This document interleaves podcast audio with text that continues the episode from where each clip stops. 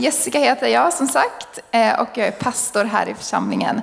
Eh, kul att se er här den här söndagsmorgonen.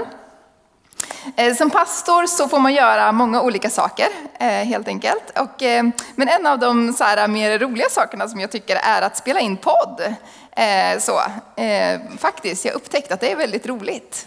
Så. Och vi har ju gått in i ett tema som heter anden här på våra gudstjänster.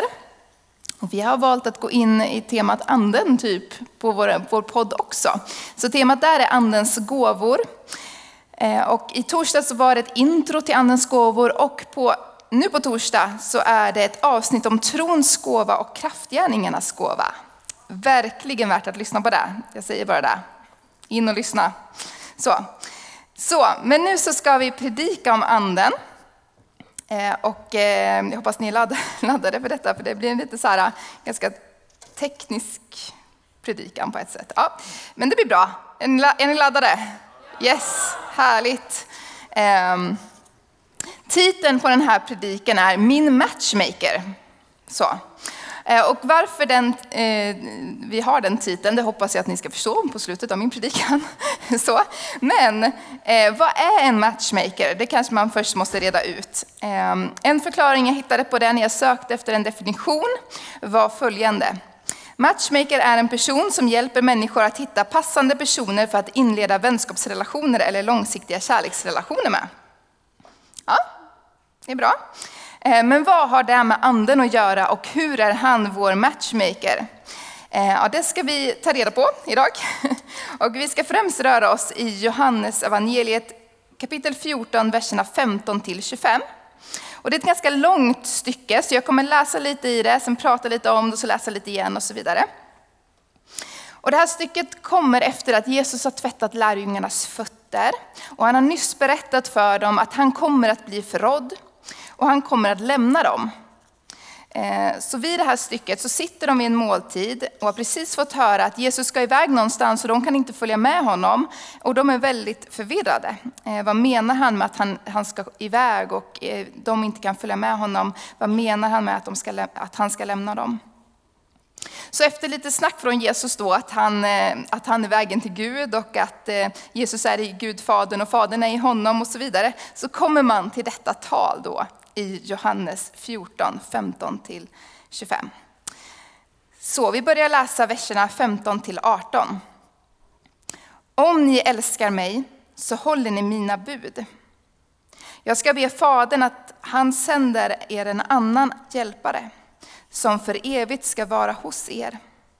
Sanningens ande som världen inte kan ta emot, för världen ser honom inte och känner honom inte. Men ni känner honom, eftersom han är hos er nu och kommer vara i er. Jag ska inte lämna er föräldralösa, utan jag ska komma till er. Och den här texten säger några viktiga saker om anden. Dels så säger den att det är sanningens ande. Och vad innebär det då att, att det är sanningens ande? Ja, det handlar ju om att anden kommer att uppenbara sanning för människor. Och vem är sanningen själv om inte? Yes, Söndagsskolesvaret, bra. Ehm, Jesus säger precis innan i Johannes 14 och 6 att han är vägen, sanningen och livet. Och att ingen kan komma till Fadern utom genom Jesus. Så när Jesus säger att anden är sanningens ande så refererar han ju tillbaka till sig själv. Den heliga ande är sanningens ande och eftersom Jesus är sanningen själv kommer alltid, anden alltid peka på Jesus och föra oss in i en relation med Jesus. Det här blir ännu tydligare när vi läser i Johannes 16, 13-15. Det står det så här. Men när han kommer, sanningens ande, ska han vägleda er med hela sanningen. Han ska inte tala av sig själv utan förkunna det han hör och låta er veta vad som kommer att ske. Han ska förhärliga mig, ty av mig ska han ta emot det han låter er veta. Allt vad Fadern har är mitt, därför säger jag att det är av mig han tar emot det han ska låta er veta. Sanningens ande har till uppgift att visa oss på hela sanningen. Hans uppgift är att visa oss på Jesus, att ära honom i allt, att få oss att vilja ha en relation med Jesus. Eh, och det verkar som att anden har någon slags medlande roll här, att Jesus kommer säga saker till anden och anden säger saker till oss. Men den här texten i Johannes 14, eh, den säger också att anden bor i oss. Och ibland brukar vi ju prata om, speciellt då i söndagsskolan om vi refererar tillbaka där, att Jesus bor i oss. Eh, så. Jag, jag, sa det till, till, min son, eh, han hade, snappat upp, eller han hade snappat upp det på söndagsskolan och så pratade vi om det, att Jesus bor i oss. Och han bara, jag vill inte att Jesus bor i mig. Och jag bara, nej okej, okay. du behöver inte att han ska bo i dig. Eh, men men ehm, i alla fall, så eh, kan man säga att, att and, alltså egentligen, om man ska vara mer korrekt, så är det ju anden som bor i oss. Och Jesus är närvarande i oss genom anden. Eh, så. Och Jesus säger i den här texten att han ska inte göra oss föräldralösa. Utan genom anden kommer han vara närvarande i varje troendes liv som en förälder. Om anden inte fanns i oss så skulle vi på ett sätt då vara föräldralösa. Utan identitet, utan arv. Vi skulle behöva klara oss själva i den här världen. Men så är det inte nu, för att anden är i oss eh, och Jesus är därför i oss också. Och vi behöver inte agera som att vi är föräldrar då. Vi behöver inte ha koll på allt. Ni vet föräldrar, de har koll på allt. De vet väl läget, de har svar på allting man frågar om. typ. Ehm, men vi behöver inte ha koll på läget, för att Jesus har koll på läget. Vi behöver inte vikariera för Jesus och sätta på oss hans skor för att, för att vi kan, får bara vara barn. Vi får bara vara, vila i hans närvaro. Och vi gör ju väldigt ofta så annars att vi gärna sätter på oss Jesus skor och så försöker vi egen kraft att göra saker. Men anden kommer alltid påminna oss om att vi har en förälder. Vi har någon som har koll, vi har någon som vi kan släppa över ansvaret till. Sen visar den här texten också att det finns en skillnad mellan de som vill följa Jesus och de som inte vill det. De som inte vill följa Jesus kommer inte att känna anden, men de som varit med Jesus då, som sitter där vid bordet, de hade redan anden vid sin sida och så säger Jesus att ni kommer få anden i er. Mm, det var den texten. Nu läser vi vidare då i verserna 19 till 21. Mycket snart ska världen inte se mig längre, men ni ska se mig. För jag lever och ni kommer att leva. Då ska ni förstå att jag är i min fader och ni är i mig och jag är i er. Den som har mina bud och lyder dem, han älskar mig och den som älskar mig ska bli älskad av min fader och jag ska älska honom och visa mig för honom. De som gillar den här lite mer mystiska sidan av Gud, Eh, det är inte jag, men, men de som gillar den sidan av Gud, eh, de älskar den här texten. Eh, de kan liksom tänka på det här, och vad betyder det att Jesus är i mig och jag är i Jesus? Och, ja, ni vet, jag är min fader och ni är i mig och jag är i er. Hela den grejen. Liksom, så. Jesus han är ju tydlig med att jag kommer fortsätta att leva oavsett vad som drabbar honom. Och så verkar han säga att att när han går bort kommer hans lärjungar fortfarande att se honom. Och Jesus verkar referera tillbaka till det här att anden bor ju i er. Anden kommer uppenbara saker för er, anden kommer visa er mig. För tidigare sa han, men ni känner honom eftersom han är hos er nu och kommer att vara i er.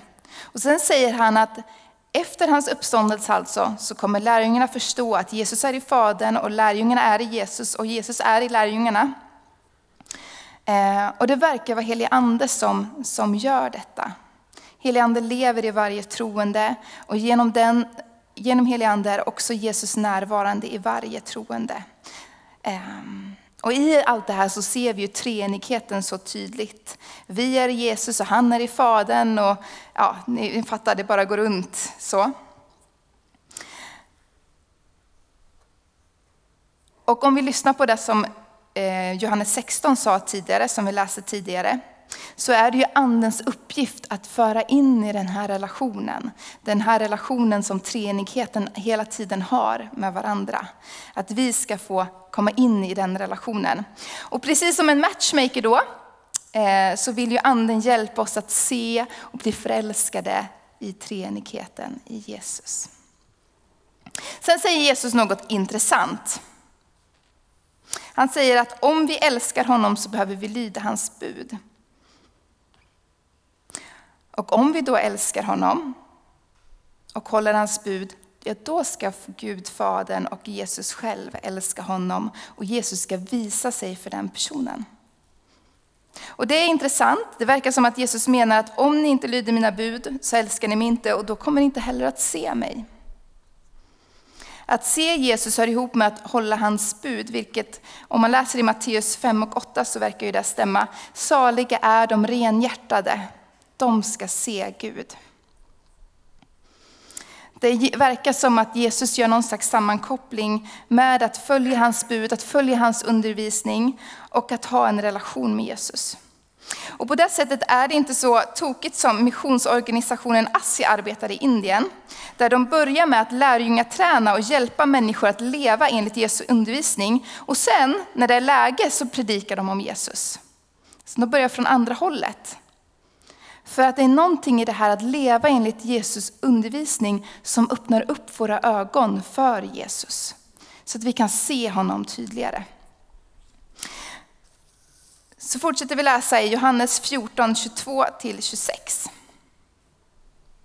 Judas, inte Judas Iskariot, viktigt att poängtera då, då, sa då till honom, Herre, varför ska du visa dig för oss och inte för världen? Jesus svarade, om någon älskar mig så håller han sig till mina ord. Och då ska min fader älska honom och vi ska komma till honom och stanna hos honom. Den som inte älskar mig håller sig inte till mina ord. Och ordet ni har fått höra kommer inte från mig utan från Fadern som har sänt mig. Jag säger er detta medan jag fortfarande är hos er.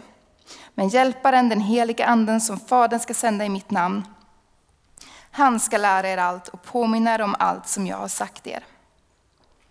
Här gör ju Judas eh, på många sätt det enda rimliga och frågar Jesus då eh, varför han ska visa sig för dem och inte för världen. Varför inte för alla? Varför inte för alla de som inte tror? Varför kan du inte visa dig för alla? Och plötsligt är det som att Jesus säger att eh, man kan hålla sig till hans bud, även om man inte har en tro. Och då ska Fadern älska den personen och både Fadern och Jesus ska komma till den personen. Så för de som söker Jesus så kommer han att visa sig för dem. För de som söker det som är gott, det som är rättfärdigt, det som är sant, så kommer Jesus att uppenbara sig för dem. Han kommer låta dem få se honom. Och i Johannes evangeliet 16, verserna 7-11 så står det så här. Men jag säger er sanningen, det är för ert bästa som jag lämnar er. Ty om jag inte lämnar er kommer inte hjälparen till er. Men när jag går ska jag sända honom till er och när han kommer ska han visa världen, alltså de som inte tror, vad synd och rättfärdighet och dom är. Synd, de tror inte på mig. Rättfärdighet, jag går till Fadern och ni ser mig inte längre. Dom, denna världens härskare är dömd. Man brukar säga att det är anden som överbevisar om synd. Det är han som uppenbarar för oss att vi behöver Jesus. Det är han som visar oss att vi behöver Jesus. Synden är att inte tro på Jesus. Så anden är verksam i den här världen för att föra människor till Jesus. Genom att få dem att förstå att du behöver Jesus. Du behöver Jesus så desperat mycket, mycket, mycket mer än vad du tror. Så anden är som den här matchmakern eh, som hjälper människor att få syn på vad de egentligen behöver. Ni vet i kärleksfilmer, när tjejen eller killen inte fattar vem de egentligen borde tycka om. Ni vet den, de, de, de liksom gillar fel person. Eh, och i filmen så stå, sitter man och så tänker man så här, men du, det är inte den där du ska vara med. Liksom, så. Ehm, och sen kanske det finns någon vän i filmen som hela tiden säger, ja men det är, inte, det är den personen som kanske du ska vara med istället. Och anden är som den där vännen som bara så här, det är inte den, det är inte det här du ska vara med, det är inte den här personen du ska vara med, du ska vara med den där personen. Så. Eh, anden hjälper oss att förstå att vi behöver Jesus. Ditt livs mål och mening finns i Jesus. Allt du behöver finns i honom. Allt som ditt hjärta någonsin kan begära kommer finnas i honom. Så välj Jesus. Jesus säger att eh, anden ska sändas till oss för att lära oss allt och påminna oss om allt som Jesus har sagt. Anden är verksam i världen för att peka på Jesus. Men anden, han matchmakar oss inte bara med Jesus, utan han matchmakar oss också med Guds församling. Anden har ett jobb att föra samman människorna i Guds församling till att bli en enda kropp. Vi läser då ifrån första Korintierbrevet 12 igen. Verserna 12 till 13. Till liksom kroppen är en och har många delar och alla de många kroppsdelarna bildar en enda kropp. Så är det också med Kristus. Med en och samma ande har vi alla döps att höra till en och samma kropp vare sig vi är judar eller greker, slavar eller fria, och alla har vi fått en och samma ande att dricka. Så den här texten säger att vi alla är unika. Vi har olika bakgrund, olika åldrar, olika intressen och preferenser. Men vi har en stor sak gemensamt. Vi är alla döpta i samma ande. Och vi får alla dricka av samma ande. Den anden är det som fogar samman oss som kristna och som gör oss till en kropp. Som gör oss till en familj. Så anden leder oss inte bara in i relation till Jesus och Fadern, utan också in i relation till varandra. Den leder oss mot att älska andra och ge våra liv för andras skull. I Efesierbrevet 4, 3-4 ehm, förtydligar detta när Paulus skriver så här. Sträva efter att med friden som band bevara den andliga enheten. En enda kropp och en enda ande. Liksom ni en gång kallades till ett och samma hopp. Anden är den som visar oss Jesus och som gör oss förälskade i honom. Så vi behöver mer av den heliga ande i våra liv. Så. För han leder oss till Jesus. Hans jobb är att matchmaka oss till Jesus. Jag tänker ibland att anden är som den där personen som fixar magiska dejter med Jesus, billigt bildligt talat då. Eh, alltså han för oss in i en spännande och levande relation med Jesus. Vi behöver mer av helig ande i våra liv. Och därför vill jag uppmuntra dig att be om mer av helig ande idag. Att be att han ska bli mer verksam i ditt liv. För vi behöver alla anden för att lära känna Jesus. Och om du finns här idag som vill ta emot Jesus i ditt liv genom anden, eh, så gör det. Jesus väntar på dig. Säg ditt ja till Jesus. Vi ber. Ja, Jesus, vi, vi tackar dig för att du sände anden. Eh, vi tackar dig för att du sände anden till oss. Eh, för att vi inte skulle vara ensamma, för att vi inte skulle behöva vara den här föräldern som ska fixa allting, utan, utan vi får vara barn i ditt rike.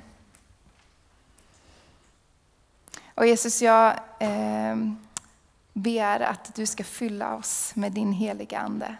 Heliga Ande, kom Kom och, och var del av, av vår gemenskap. Kom och var del av den här församlingen. Eh, vi vill öppna våra hjärtan för dig heligande. Att ta mer plats i, i våra liv. Fyll oss med din kraft, fyll oss med din härlighet, fyll oss med din glädje. Kom heligande. Kom heligande.